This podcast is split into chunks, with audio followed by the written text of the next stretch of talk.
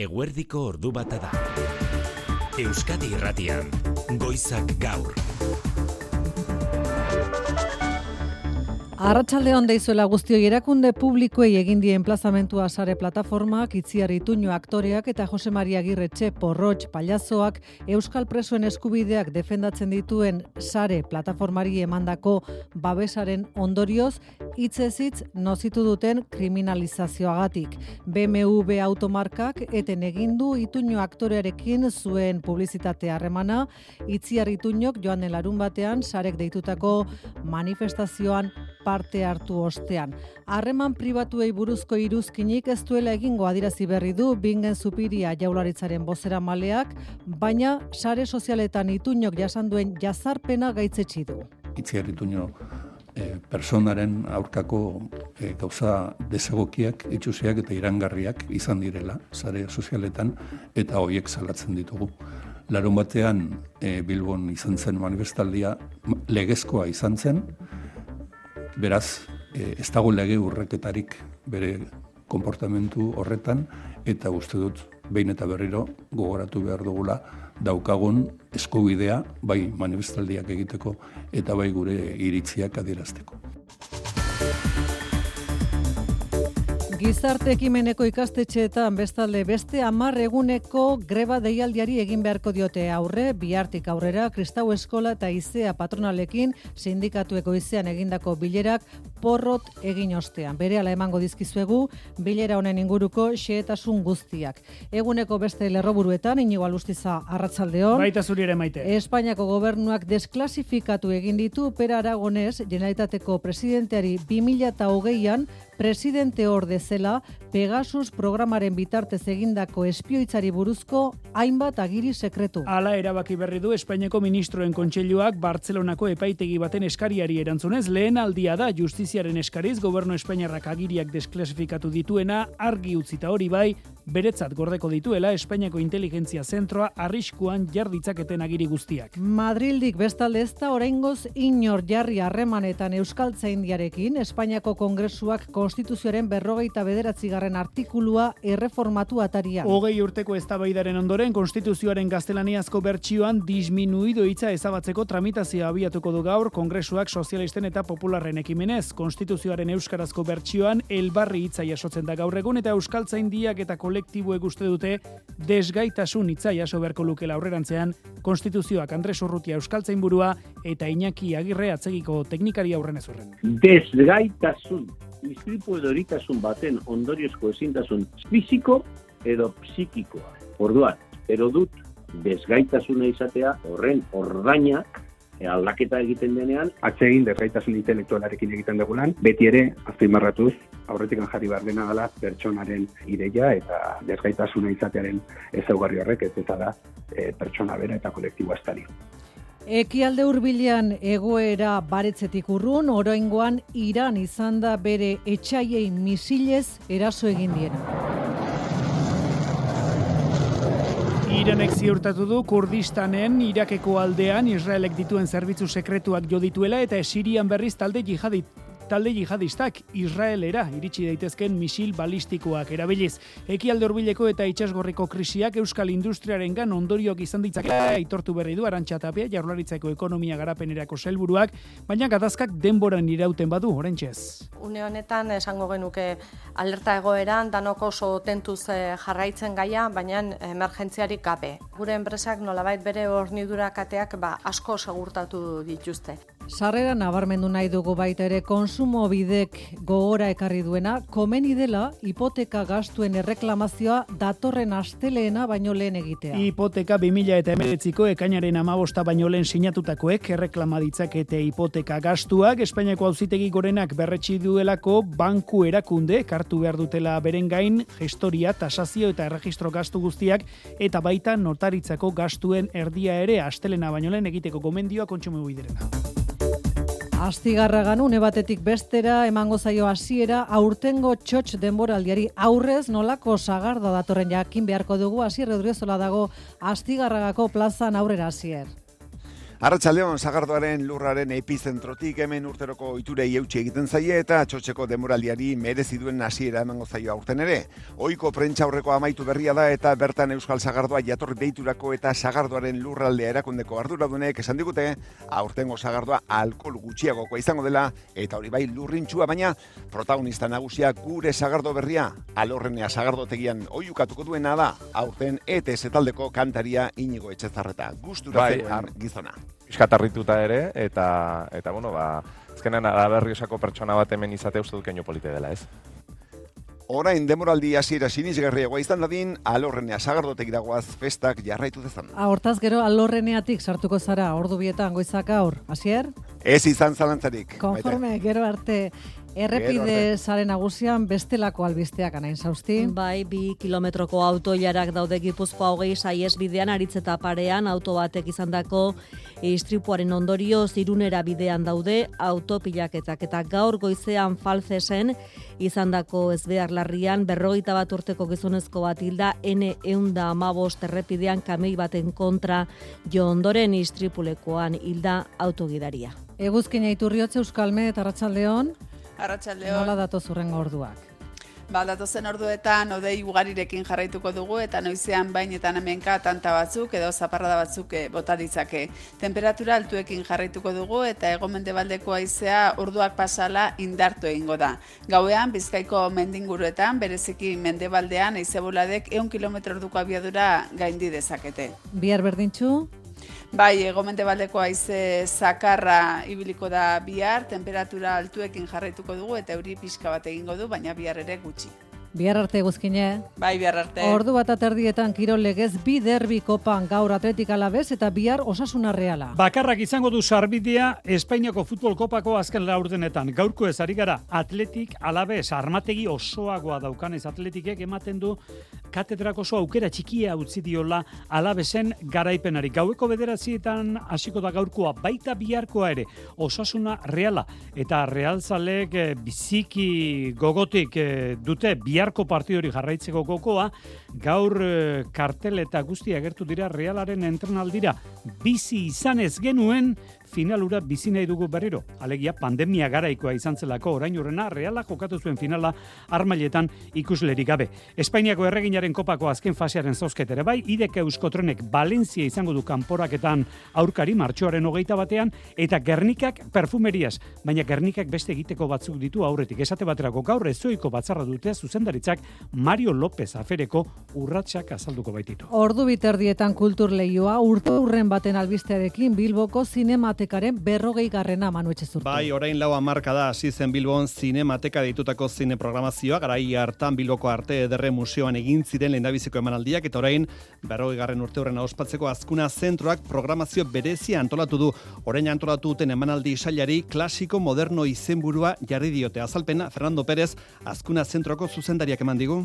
Dator banda parte Janlugo Darren pelikulatik, momentu batean bizarra baten gainean jartzen dute klarion batez, eta adierazten du gutxi gora berase transito eta ze baliabideak egoten diren garai batetik bestera. Eta azaltzen du oso ondo zer eh, izan nahi duen gure sinematekak. E, gaur bertan hasi eta martxoaren amabira bitartean amasei pelikula klasiko emango dituzte gaur lehendabiziko egunerako John Ford zine zuzendariaren How Green Was My Valley zeneko filma. Ordu bata eta zortzi xabi gailastegi eta xabi iraola teknikan eta errealizazioan.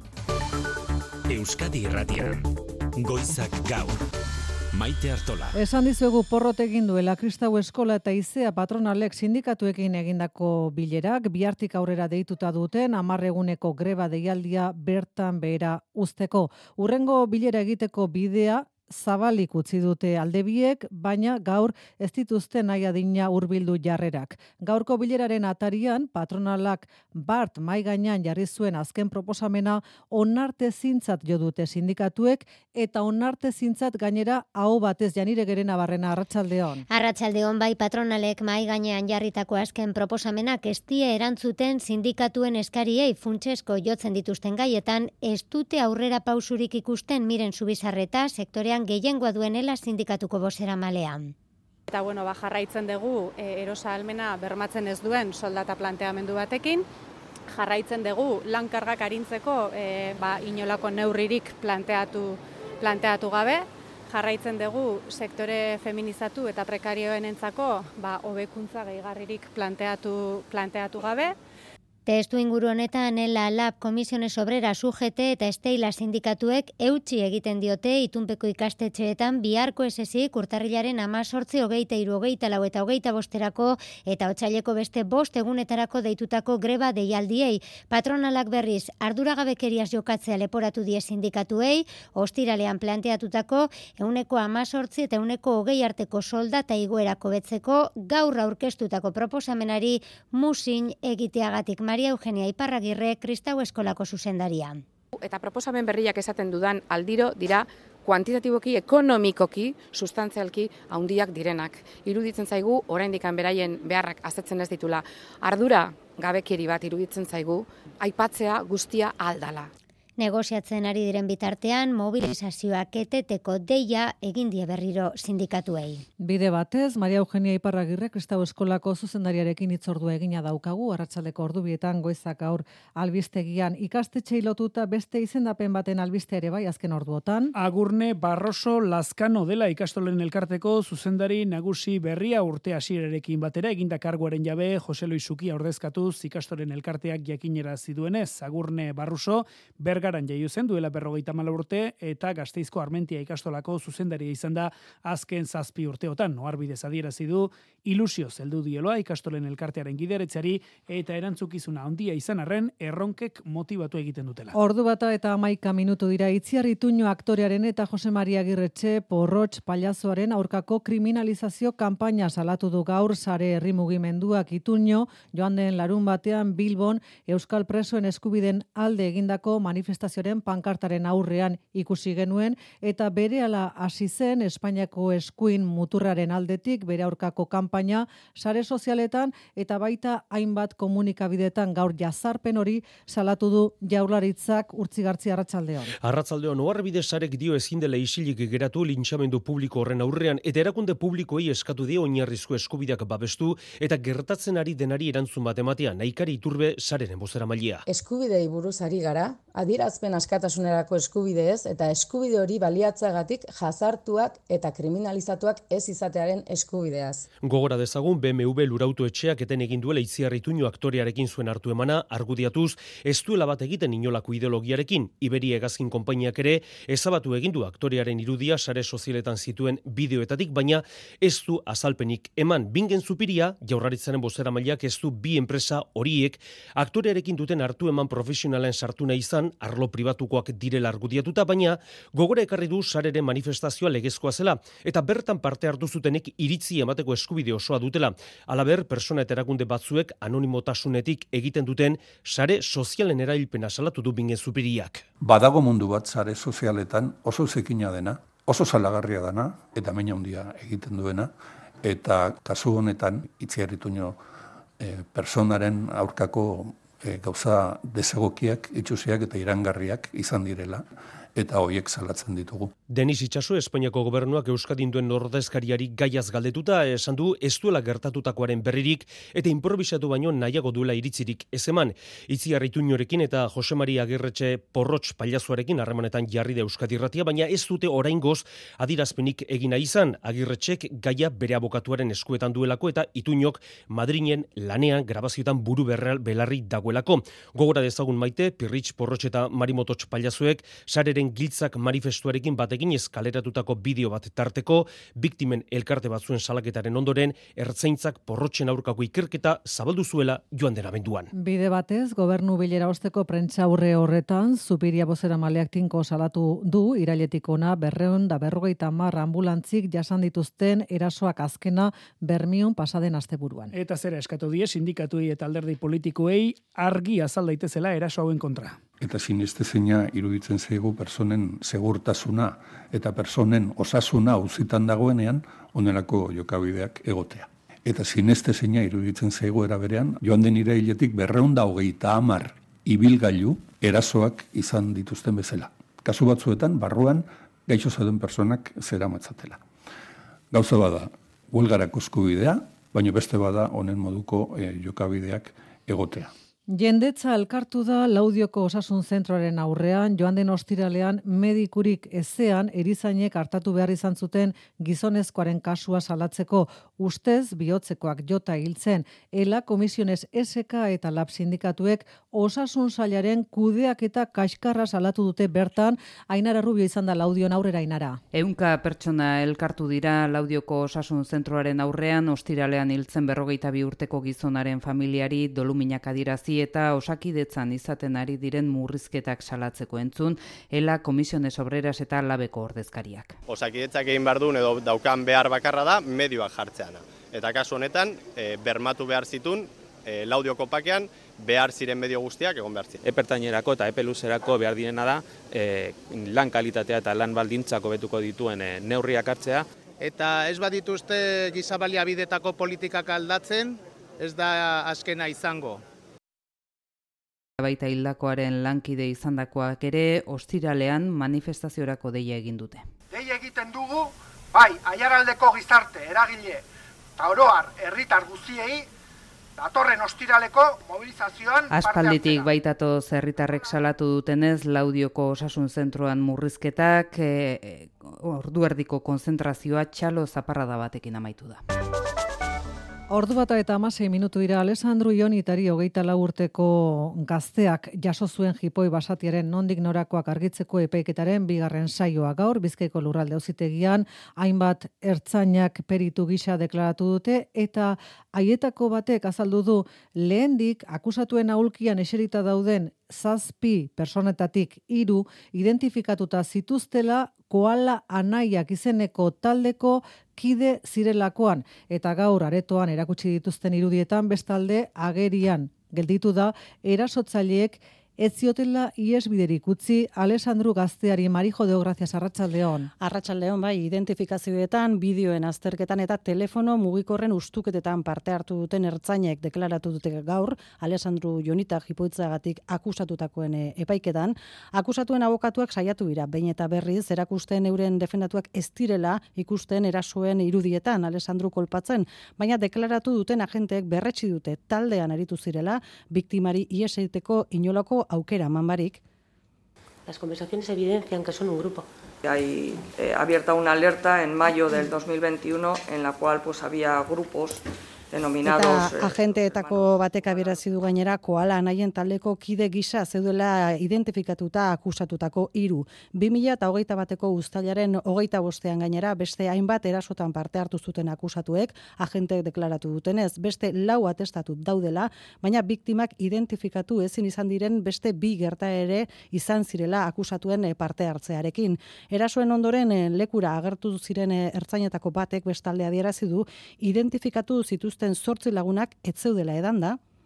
Habían bebido ni ni considero que en ese momento por lo menos estuvieran tampoco bajo sustancias estupefacientes. Etzietela mozkor edo bestelako sustantzien menpe egotearen arrastorik igarri izan ere hori izan zen atzoko saioan akusatuek esan zutena, ez zutela ezer gogoratzen edan da zeudelako. Epaikataren bigarren saioan amazazpi hartzaine deklaratu dute eta biharrere agente gehiago deklaratuko dute perito gisa. Iruñeko udaltzaingoak egindako ikerketaren ondorioz bestalde amaika persona atxilotu dituzte Iruñan eta Zaragozan sanduzelai auzoan 2008 batean egindako hilketa ahal eginagatik. Bi urte terdiko ikerketa horren bidez, kontu garbitzea izan zela egiaztatu al izan dute patxirigoien Iruña Arratsaldeon. Arratsaldeon 2008 bateko uztailaren hogeita iruko gertakaria da sanduzelai auzoan eraso bat izan zen eta besteak beste aiotzak erabili ziren ikerketaren arabera bi pertsona pertsona hiltzeko asmoz. Erasotzaileek telefonoz deitu zieten erasotuei, ustez aste bete lehenago auzoan bertan, erasotuek erasotzaileen aitarekin izandako liskar bati buruz hitz egiteko. Gertakari hori gako izan da udaltzaingoaren arabera ezerezetik ikerketa abiatzeko. Antonio Sánchez López udaltzainburua. Y nos queda constancia de que una semana antes de estos hechos se había producido unas agresiones al padre de uno de los implicados. Entonces eso es lo que nos lleva a empezar a tirar del hilo. Estas personas de Pamplona van a Zaragoza. Izar horren arira, erasotzaileek Zaragozara jo zuten, Panzer izeneko banda latinoarekin harremanetan jarri eta akordio batera iritsi ziren, zuzenean iruñera joan eta kontua garbitzeko. Arestian aipatutako erasoa, hilketa saiakera izan zela ebatzi du epaileak, mugikorren geolokalizazioa garrantzitsua, iz, garrantzitsua izan da, ikerketan bi urte terdi hauetan izan dira atxiloketak guztiek hogei eta hogeita hamar urte bitartean dituzte, atxilotuetako bost kartzelan daude jada eta gainerakoak karguekin aski daude epaiketaren zain. Iruñan jarraitzen dugu, baina aktualitate politikoari begira jarrita, Maria Txibite, Nafarroako gobernuko lehen dakariak eta Joseba Asiron Iruñeko EH Bilduko alkateak, lehen bilera egin baitute gaur bi erakunden arteko elkarlana, sendotzeko konpromisoa berretsi dute. Gaur goizean, UPNeko Kristina Ibarrolaren lehen dabiziko prentxaurrekoa izan da, oposizio buru gisa salatu du Txibitek berarekin batzartzeari uko egin ziola alkatetzan egon den sei hilabetetan eta bide batez kritikatu du hasiron kapitalizatzen ari dela berak abian jarritako proiektuak elieraso.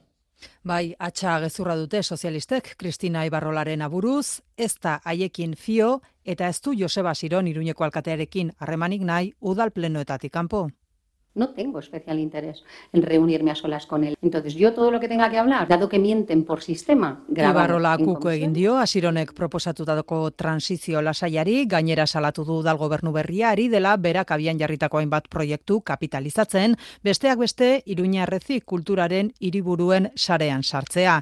Eta Euskal Autonomi erkidegoko hauteskundei begira ere jarri da, Ibarrola, oartarazteko Pedro Sánchez Espainiako gobernuko presidenteak, iruñan bezala, bere komenintzien arabera jokatu jokatuko duela EAEN. Lo que puede ser otra entrega a Bildu o puede ser perfectamente el trozo de tarta que le toca al PNV. Pero en todo caso, Uste du Ibarrolak sozialistek jaurlaritza, EH Bilduri edo jeltzalei emanen dietela, Sánchezek agintean jarraitzeko behar duenaren arabera. Kataluniako alderdi independentistak bien bitartean erlo joren aurkari dira, amnistia lege proiektua epaileen balizko interpretaziotatik ondo babesteko zuzenketak prestatzen, arratsaldeko seietan, amaituko baita zuzenketak aurkezteko EPA. Eta testu inguronetan, Sánchezen gobernuak pera aragonez, janeltateko presidentari, presidentari presidente orde zelarik, zerbitzu sekretuek egindako entzuketen inguruko agiriak desklasifikatu berri ditu Mikel Arregi Arratsaldeon.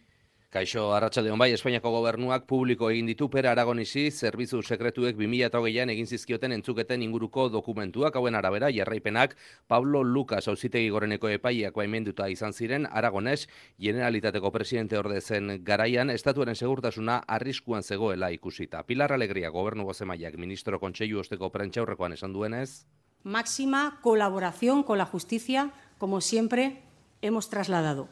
Gobernuak justiziarekin elkarlanean aritzeko borondate osoa erakutsi du eta horregatik argitaratu dituzte dokumentu hauek. Pegasus auziaren berri izan eta gero Aragonesek salaketa jarri zuen Barcelonako epaitegi baten eta orain epaitegi honek dokumentu hauek publiko egiteko eskatu dizkio eskatu dio. Espainiako gobernuari datorren hilaren 26an Paz Esteban zeneiko zuzendarioiari deklarazioa hartu aurretik. Dena den Espainiako gobernuak ez dizkio Barcelonako epaiari Pegasus programaren inguruko xetasunik eman zerbitzu sekretuen segurtasuna bermatze aldera. Ordu bata eta hogeita iru minutu dira, arratsaldean abiatuko dute era berean Espainiako Kongresuan Konstituzioaren berrogeita bederatzi garren artikulua erreformatzeko eztabaida.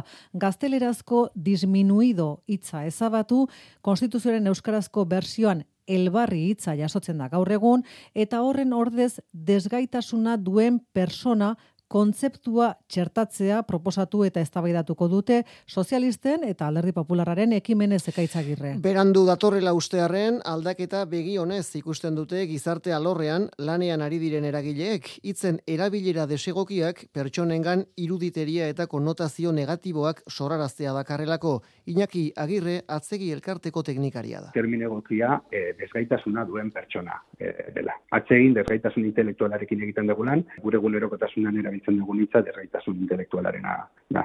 Beti ere, pertsona eta kolektiboi buruz eh, hitz egiten dugunean, azpimarratuz, aurretik jarri behar dena dela pertsonaren ideia eta desgaitasuna izatearen ezaugarri horrek ez eta da e, pertsona bera eta kolektiboa estari. Berrogeita bederatzi garen artikuluaren Euskarazko agiri ofizialak elbarri hitza jasotzen du, mila bederatzireun eta irurogeita emezortzian Euskal Zaindiak itzuli zuen testua. Orain artean, inorrezta, haiekin harremanetan jarri, baina Andres Urrutia Euskal buruaren esanetan aldaketak desgaitasun hitza jaso behar luke aurrerantzean. Desgaitasuna da, gaur egunean, erabiltzen duguna. Batez ere, nik esango nuke, erabilera juridikoa, erabilera administratiboa eta horrelakoa. Pero dut desgaitasuna izatea horren referentea aldaketa egiten denean eta aldaketa horren testu ofiziala ematen zaigunean. Erreformak aurrera egin dezan, kongresua osatzen duten diputatuen hiru bostenen babesa behar da eta ekimena bultzatu duten pesoeren eta alderdi populararen aldeko botoak nahiko alirateke horretarako. Ekialde hurbilean misilez egin die eraso Iranek bere etxaiei ekialde hurbilean bizi den tentsioa lehenaz gain areagotu. Irakeko Kurdistanen lau zibil dituzte Israelgo zerbitzu sekretuen aurka zuzendutako erasoan. Bigarren helburua Siriako jihadistak izan dira itxuraz eta haien aurka egiteko misil balistikoak erabili ditu Iranek nahi ezkero Israelera ere irits daitezkela adiraziz edo erakutsi nahian ekialde hurbilean Mikel Aiestaran eite beren berri emaleak azken ordua Arratsaldeon. Arratsaldeon, Gazako gatazkaren edapenak markatutako une honetan, Iranek eraso bikoitza egin du misilekin terroristen baseen aurka Siria iparraldean eta Mossaden base baten aurka Erbilen, Irakeko Kurdistanen. Eraso honetan lau zibil dira. Misilek mila berreun kilometro baino gehiago egin dituzte eta tokiko kazetarien arabera mezu argia da Israelentzat. Idlibeko erasoa Iranek historian egin duen urrunena izan da. Eraso eta erantzun joko honetan, Teheranek dio hau erantzun bikoitza dela Mossadek Sirian general bat ilostean eta ISISek Kermanen atentatu suizida egin ostean. Operazio puntuala dirudi, Iranek bere erantzuna itxitzat ematen du, baina eskualdean temperatura etengabe ari da iotzen. Gazan bitartean, azken bi asteotako erasorei gogorrenak egin ditu Israelek, Gaza iparraldean urtea sigiratik armadaren zati handi bat erretiratu duen zonaldean alegia, azken eguneko erasoetan, eunda berrogeita emezortzi palestinar hilditu Israelek, gazako osasun agintarien esanetan, eta milizia palestinarrek jaurtitako koete gehienak berriz, airean eraitsi ditu Israelgo defentsa sistemak. Davoseko foroan Volodymyr Zelenskiz, e, Ukrainako presidentea da, arretagune nagusia, Rusiari aurke egiteko finanziazio bila ari da, estatu batuetako iturria isten ari zaion honetan, bada Ursula von der Leyen, Europar batzordeko presidenteak aldarrikatu du, ezinbestekoa duela Ukrainak finanziazio hori egonkorra izatea epe ertainera hori bermatzeko negoziazio betean ari da Viktor Orban Ungariarrarekin Amaia Portugal Brusela Arratsaldeon. Arratsaldean bai bihar espero dituzte eurodiputatuek Estrasburgon bonderleienen azalpen batzuk zertan den Ungariak Ukrainarako makrofinantziazio planari ezarritako betoa. Itxura du berrogeita mar mila milioi euroko lau urterako pakete osoa orain behin betiko onartu beharrean hogeita zazpiek urterik urte berraztertzen badute pres legokela Viktor Orban egoera desblokeatzeko. Bitartean Davoseko agertokia baliatu du bonderleienek aldarrikatzeko Ukrainak funtsezkoa duela aurreikusteko moduko finantziazioa eta 2008 lautik arago. Ukrainians need predictable financing throughout 2024 and beyond. Errusiarekiko erresistentzia indartzen jarraitu behar dutela Europar batasunak eta Ukrainaren gainerako bazkideek. Armen hornidura behar beste eta modu iraunkorrean behar duela Ukrainak defendatzeko eta bere lurraldea berreskuratzeko. Demokrazien aldarria ere egin du batzordearen presidenteak 2008 laua historiako hauteskunde urte handien adela gogora azita eta dabosen desinformazioaren arriskuei heltzen ari direla baliatuta. Esan du bonderleienek ordena globala aspaldiko arriskua handienean dagoela, inflexio puntu bakarraren ordez amaika daudela zabalikuneotan. Atzera etxean, San Sebastian egunean inoizko danborra da kopuru handiena eunda iruro gehi, danborra de kalegia hogeita bat mila irureunda sei personek joko dute sarri egiren doinua gipuzkoako hiriburuan. Jaiari hasiera emateko konstituzio plazan igoko den bandera, loiola tarra danborra dari emango dio udalak, behin festa maituta, elkarteak aurten mendeurrena betetzen duela ospatzeko haino amendiburu. Elduen danborradak historiako marka guztiak gaindituko ditu aurten. Hogeita bat mila irurun da sei gizon emakume batuko dira irian, sarri egiren doinuak joko dituzten eunde irurogei danborradatan. Jon Insausti Donostiako udaleko kultura zinegotzia. Aurreko urtearekin alderatuz bi gehiago dauzkagu. Bata da parte zarrean gaztelu bide txiki, eta bestea da, amaran, Riberas de Loyolan Morlans inguruan, mamelena elkartea. Orain arte, soilik gizonezkoek parte hartzen zuten lau danborra da, mistoak izatera pasako dira. Horrek esan nahi du, eun da geitik soilik bos direla sexu bakarreko danborradak, lau gizonez osatutakoak eta bakarra emakumez. Urketari horrek ondo markatzen digula zein dan jarraitu beharreko bidea. Danborra denuneko laro gaita mazazpia da mistoa, ba bueno, uste dut, e, guztiok daukagula homuga zein den, eta dauneko un horretara aiatzea. Urte hurren bereziak hiru danborra dentzako, amarako ikasbide kultura elkarteak eta xular danborradak hogeita bost urte beteko dituzte, ainorgako atotxarrekak menderdia, eta aurten mendeurrena ospatuko duen loiolatarra elkarteak, udalak San Sebastian egunez igo eta geisten duen brodatutako bandera jasoko du. Arratsaldeko ordu bat aterdietara iritsi gara honela.